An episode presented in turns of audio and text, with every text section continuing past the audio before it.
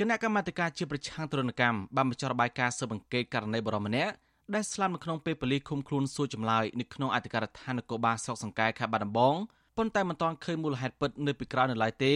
ក្រុមហេតុផលថាមន្ត្រីប៉ូលីសពាក់ព័ន្ធនៅក្នុងខេត្តបាត់ដំបងបានផ្ដល់ចម្លើយផ្សេងផ្សេងគ្នាប្រធានគណៈកម្មាធិការជាប្រឆាំងទរណកម្មលោកនុតសាអានប្រាប់អាស៊ីសេរីថាលទ្ធផលស៊ើបអង្កេតរបស់ក្រុមការងារលោកមិនទាន់ដល់កម្រិតដែលអាចសន្និដ្ឋានជាផ្លូវការបែបណានឡើយទេ ដូច្នេះលោកបានស្នើសុំទៅរដ្ឋមន្ត្រីក្រសួងមហាផ្ទៃលោកសខេងឲ្យលោកចាត់តាំងក្រុមការងារនៅស្នងការនគរបាលជាតិដើម្បីជួយបន្តស៊ើបអង្កេតករណីនេះបន្ថែមទៀតលោកបញ្ជាក់ថាមូលហេតុថាលទ្ធផលស៊ើបអង្កេតកន្លងមករកឃើញថារបាយការណ៍ឬក៏ការឆ្លើយបំភ្លឺរបស់មន្ត្រីពាក់ព័ន្ធក្នុងខេត្តបាត់ដំបងទាំងអស់មានភាពផ្ទុយគ្នាដែលពិបាកជឿទុកចិត្តលោកថាតាមចម្លើយរបស់អធិការនគរបាលស្រុកសង្កែលោកសុនសវណ្ណអះអាងថាស្នាមចំនៅលើសាកសពជនសង្ស័យឈ្មោះពេជ្រធីរ៉េត ដោយសារតែប្រជាពលរដ្ឋបានព្រួតគ្នាវាបណ្ដាលឲ្យសន្លប់ព្រោះខឹងចោទថាលោកពេជ្រធីរ៉េតបានរីខ្សែភ្លើងក្នុងផ្ទះបណ្ដាលឲ្យឆក់ប្រពន្ធស្លាប់ប៉ុន្តែមេប៉ុននគរបាលឃុំអូដបងមួយអះអាងថាក៏បានទៅដល់កន្លែងកាត់ហេតុមុនជនសង្ស័យនិងជាអ្នកដឹកជនសង្ស័យទៅសួរចម្លើយនៅអធិការស្រុកដូច្នេះគ្មានបរិយាម្នាក់បានវិតបទៅលើជនសង្ស័យនៅឡើយលោកនុតសាអានក៏បានស្ដីបន្ទោសលើគណៈកម្មការកសលវិច័យសាកសពថាមន្ត្រីទាំងនេះហាក់ដូចជាធ្វើការលំលំគ្មានភាពច្បាស់លាស់ ពីព្រមមន្ត្រីខ្លះចេះតែសន្និដ្ឋានថាជនសង្ស័យស្លាប់ដោយសារប្រើប្រាស់គ្រឿងញៀនហួសកម្រិតដោយគ្រាន់តែសម្អាងថាគាត់ធ្លាប់ប្រើប្រាស់គ្រឿងញៀនពីមុនមកប៉ុន្តែនៅថ្ងៃកាត់ហេតុមន្ត្រីទាំងនេះមិនបានធ្វើតេស្តរកសារធាតុគ្រឿងញៀនដើម្បីបញ្ជាក់បានច្បាស់លាស់នៅឡើយរីឯខ្លះទៀតចេះតែសន្និដ្ឋានថាជនសង្ស័យស្លាប់ដោយសារកាំងបេដងដោយសម្អាងថាគាត់ធ្លាប់សន្លប់ម្ដង កាលពីប្រមាណឆ្នាំមុនដោយសារខូចចិត្តរឿងកូនស្រីម្នាក់របស់ខ្លួនបានស្លាប់លើពីនេះ មន្ត្រីស្នងការខេត្តបាត់ដំបងបំភ្លឺថាស្នាមចំនៅលើសាកសពរបស់ជនសង្ស័យគឺដោយសារគាត់ធ្លាប់មានគ្រោះថ្នាក់ចរាចរណ៍ដោយសម្អាងថាម៉ូតូរបស់ជនសង្ស័យមានស្នាមបាក់បែកប៉ុន្តែលោកនុតសាអានអះអាងថាពេលក្រុមការងាររបស់លោកបានចោះទៅអង្គិបផ្ទាល់រកឃើញថាម៉ូតូរបស់ជនសង្ស័យនៅល្អទាំងអស់មិនមានគ្រោះថ្នាក់ចរាចរណ៍នោះទេ ក្នុងអរិញនៃឯកសារដែលឲ្យខ្ញុំហ្នឹងវាឃើញថាដូចជាមិនកន្លែងមួយមួយគឺអត់មានចុះសម្រុងគ្នាសោះអត់ដូចជាអូជឿបានអញ្ចឹងក្នុងការសន្និដ្ឋានខ្ញុំមានតែអីទេខ្ញុំនឹងខ្ញុំបានរៀបអរិញនៃយោបល់ហ្នឹងរបាយការណ៍របស់ខ្ញុំហ្នឹងជូនទៅអ្នកលើឲ្យខ្ញុំសុំគោលការណ៍គាត់មួយចំនួនទៀតខ្ញុំសូមឲ្យអគ្គនាយកដ្ឋានក៏បាលជាតិកាត់បញ្ជូនក្រុមការងារមកក្រុមនៅទើបបង្កើតបន្ថែមទៀតពីព្រោះវាដូចជាវិនផ្ទះឆ្លាស់សោះឥឡូវនេះអ្វីៗដែលខ្ញុំទទួលបានណាណា ប្រធានគណៈកម្មាធិការជាប្រឆាំងទរណកម្មរូបនេះបន្តថាលោកនឹងធ្វើសេចក្តីសន្និដ្ឋានជាផ្លូវការហើយនឹងជាលិខិតបំភ្លឺជាសាធារណៈក្រោយពេលលោកទទួលបានរបាយការណ៍ស៊ើបអង្កេតបន្ថែមពីខាកស្នងការនគរបាលជាតិទោះបីជាយ៉ាងណាលោកនុតសាអានបញ្ជាក់ថាតាមការសន្និដ្ឋានក្រៅផ្លូវការរបស់លោកគឺករណីស្លាប់របស់លោកពេជ្រធីរ៉េតអាចពាក់ព័ន្ធទៅនឹងការប្រាស្រ័យអំពើហិង្សាពីនគរបាលមួយចំនួននៅក្នុងពេលឃុំខ្លួននៅអធិការដ្ឋាននគរបាលស្រុកសង្កែ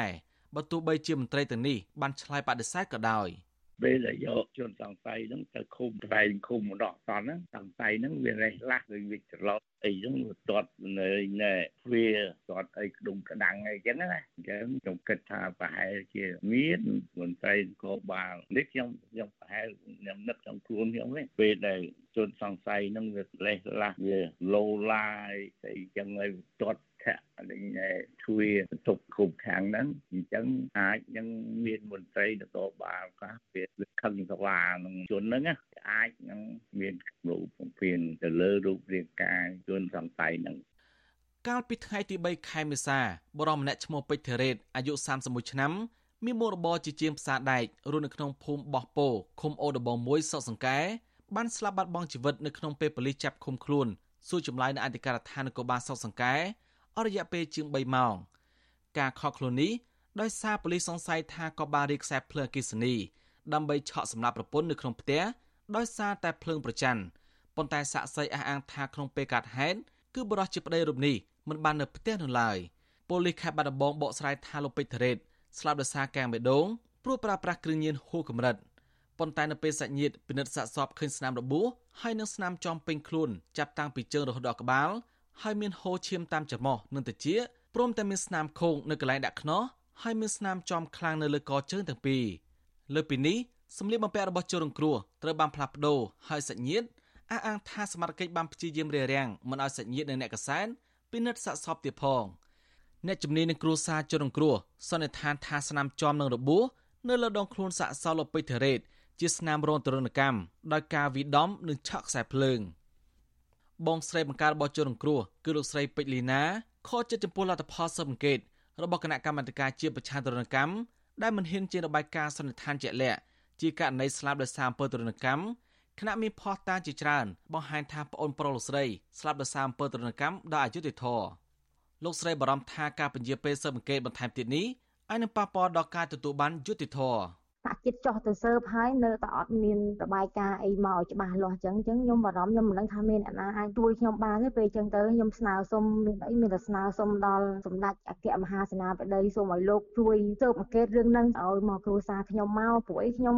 ជាប្រជាជនធម្មតាតូចតាចខ្ញុំគ្មានអំណាចអីទាំងអស់ហើយអញ្ចឹងការស្លាប់របស់បងអូនខ្ញុំនេះគឺអយុត្តិធម៌ ដែលយកគាត់ទៅរស់ហើយមកវិញស្លាប់មានស្លាកស្នាមធ្វើទរណកម្មឈាមតាមច្រមុះតាមតិចបែកមាត់បែកក្បាលស្នាមជើងស្នាមកដៃទាំងអស់ហើយនៅតែការស៊ើបអង្កេតនឹងនៅតែមិនដឹង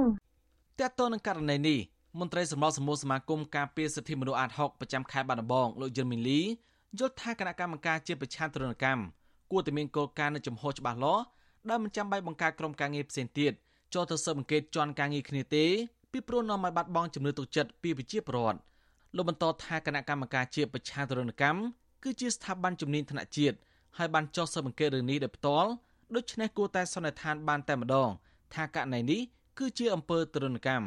គណៈកម្មការគឺជាគណៈកម្មការប្រឆាំងនឹងការធ្វើទរណកម្មមករកឲ្យឃើញថាតើករណីហ្នឹងមានការធ្វើទរណកម្មឬក៏អត់អញ្ចឹងបើសិនជាក្នុងការសាកសួរទៅលើអ្នកដែលពាក់ព័ន្ធហើយផ្ដល់ចម្លើយមកច្បាស់លាស់គណៈកម្មការអាចធ្វើការសន្និដ្ឋានតែម្ដងថានេះគឺជាការធ្វើទរណកម្មទី1ទី2បើសិនអ្នកទាំងអស់ហ្នឹងមិនពាក់ព័ន្ធនឹងការធ្វើទរណកម្មយើងឃើញថាការធ្វើការងារមិនបានល្អមិនបានត្រឹមត្រូវធ្វើការប្រេប្រហែសអានឹងក៏មានបញ្ហាផ្នែករដ្ឋបាលដែរហើយនៅក្នុងការគ្រប់គ្រងទៅលើជនជាប់សង្ស័យឬក៏ក្នុងការផ្ដល់ព័ត៌មានភូតកុហកណាភូតកុហកថាមានការវាយតបដោយប្រជាពលរដ្ឋហើយដល់រោទៅវាអត់មានឃើញអានោះប្រចម្លើយប្រព័ន្ធមានភូតកុហកដើម្បីលាក់បាំងនៅអំពើទុច្ចរិតរបស់ខ្លួនអញ្ចឹងគណៈកម្មការមិនបាច់ធ្វើការអង្កេតមិនបាច់បង្កើតគណៈកម្មការនៅទៅលើគណៈកម្មការជាន់គណៈកម្មការទៀត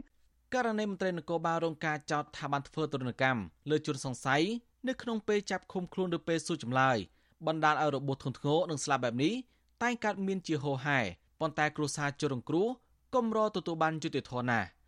មន្ត្រីសង្គមស៊ីវិលហើយនិងប្រជាប្រដ្ឋបរំថាករណីទរណកម្មលើជនសង្ស័យបែបនេះនឹងតែងកើតមានជាបន្តទៀតប្រសិនបើការអនុវត្តច្បាប់ពុំមានប្រសិទ្ធភាពដោយទុកឲ្យជនដែលដល់មានសេរីភាពនៅក្រៅសំណាញ់ច្បាប់ទោះបីជាណាប្រធានគណៈកម្មការជាប្រឆាំងទរណកម្មអះអាងថាលោកកំពុងស្នើសុំទៅរដ្ឋមន្ត្រីក្រសួងមហាផ្ទៃលោកសខេងរៀបចំបំពាក់កាមេរ៉ាសវត្ថិភាពនៅតាមបន្ទប់សួរចម្លើយនិងបន្ទប់ឃុំខ្លួនបណ្ដោះអាសន្ននៅគ្រប់អធិការដ្ឋាននគរបាលក្រុងស្រុកទាំងអស់ លោកជឿថាការបំពាក់កាមេរ៉ាបែបនេះនឹងធ្វើមន្ត្រីនគរបាលមួយចំនួនមិនហ៊ានធ្វើទរណកម្មលើជនសង្ស័យឬក៏មិនមានលេសដោះសារទៀតទេ នៅពេលដែលមានបញ្ហាកើតឡើងខ្ញុំសនចាររថាវិទ្យុអាស៊ីសេរីរាយការណ៍ពីរដ្ឋធានី Washington